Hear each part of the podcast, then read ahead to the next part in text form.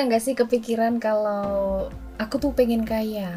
Ya tentunya dong ya, semua orang pasti berpikiran uh, dan ingin menjadi orang kaya, bergelimang harta, rich people, atau untung-untung bisa jadi crazy rich people ya, asalkan crazy-nya jangan sampai uh, diambil sendiri.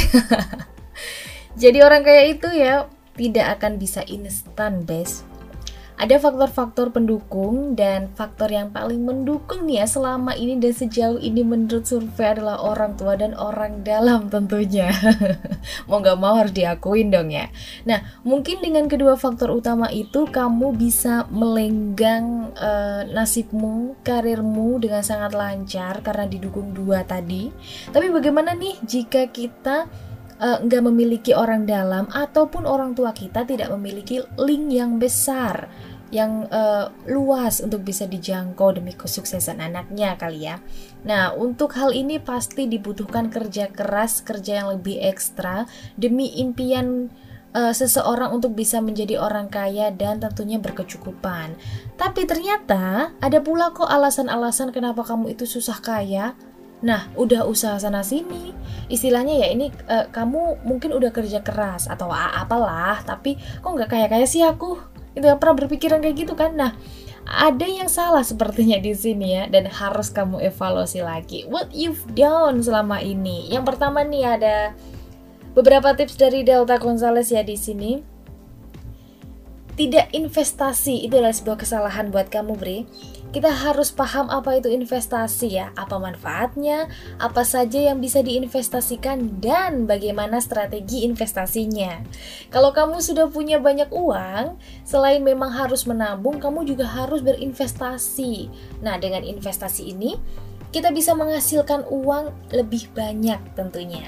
Ada yang bilang nih ya, biarkanlah uangmu yang bekerja, jangan kamu yang bekerja. Gimana nih analoginya? Iya bener juga sih ya. Nah bisa investasi emas yang paling simpel buat kamu dan uh, atau kalau kamu sudah ahli, sudah cukup berpengalaman, mulai saja untuk investasi properti. Itu yang pertama. Untuk yang kedua ini perhitungan waktu kerja. Ini seperti apa sih? Jadi sering kali ya kita uh, hitung-hitungan dalam waktu kerja. Pokoknya kerja sesuai 8 jam, habis itu pulang dan gak ngurusin lagi soal pekerjaan, bisa dilanjut besok pagi. Nah, Iya kan seperti itu? Itu nampaknya pola pikir yang karyawan banget kali ya. Kalau mau jadi orang kaya ya harusnya bisa menikmati pekerjaan kita. Dan anggap saja lelahmu itu jadi sebuah proses sebelum kamu mencapai kesuksesan jadi orang kaya. Enak banget ini dan ingat jangan sampai malas saat bekerja ya. Untuk yang ketiga ini uh, biasanya uh, kalian atau kita kita ya aku juga belum kaya sih ya.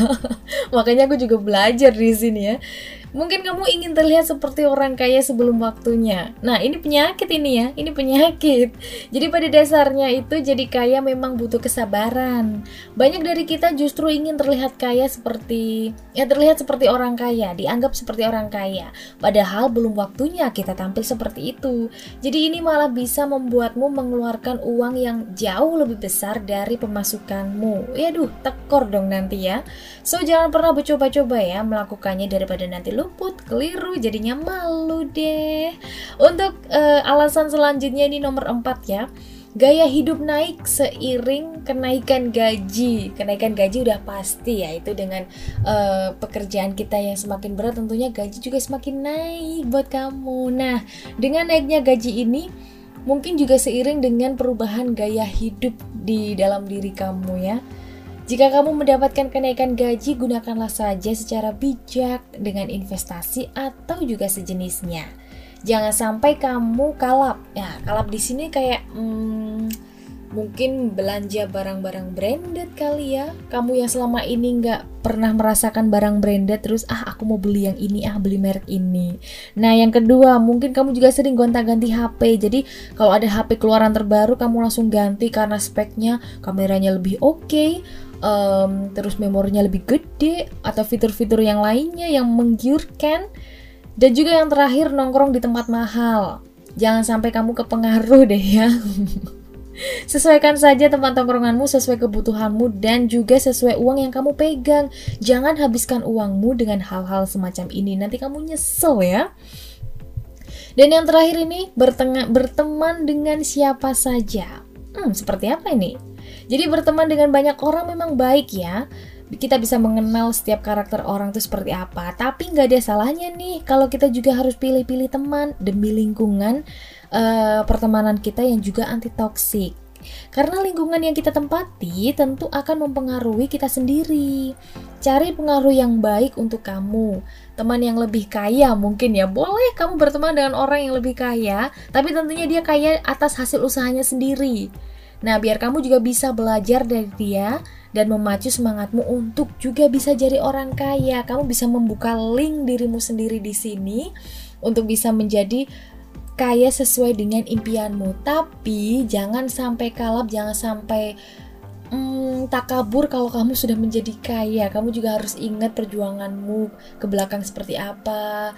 Kamu harus juga uh, bisa berbagi juga dengan sesama gitu ya. Dan nampaknya juga nggak perlu kaya ya. Sepertinya berkecukupan saja. Sepertinya juga sudah cukup kita untuk menjalani hidup ini ya. ya thank you banget buat kamu ya guys ya. Tetap terus update info-info menarik di Tribunnews Podcast hanya di Spotify. Aku Delta Gonzales. Bye.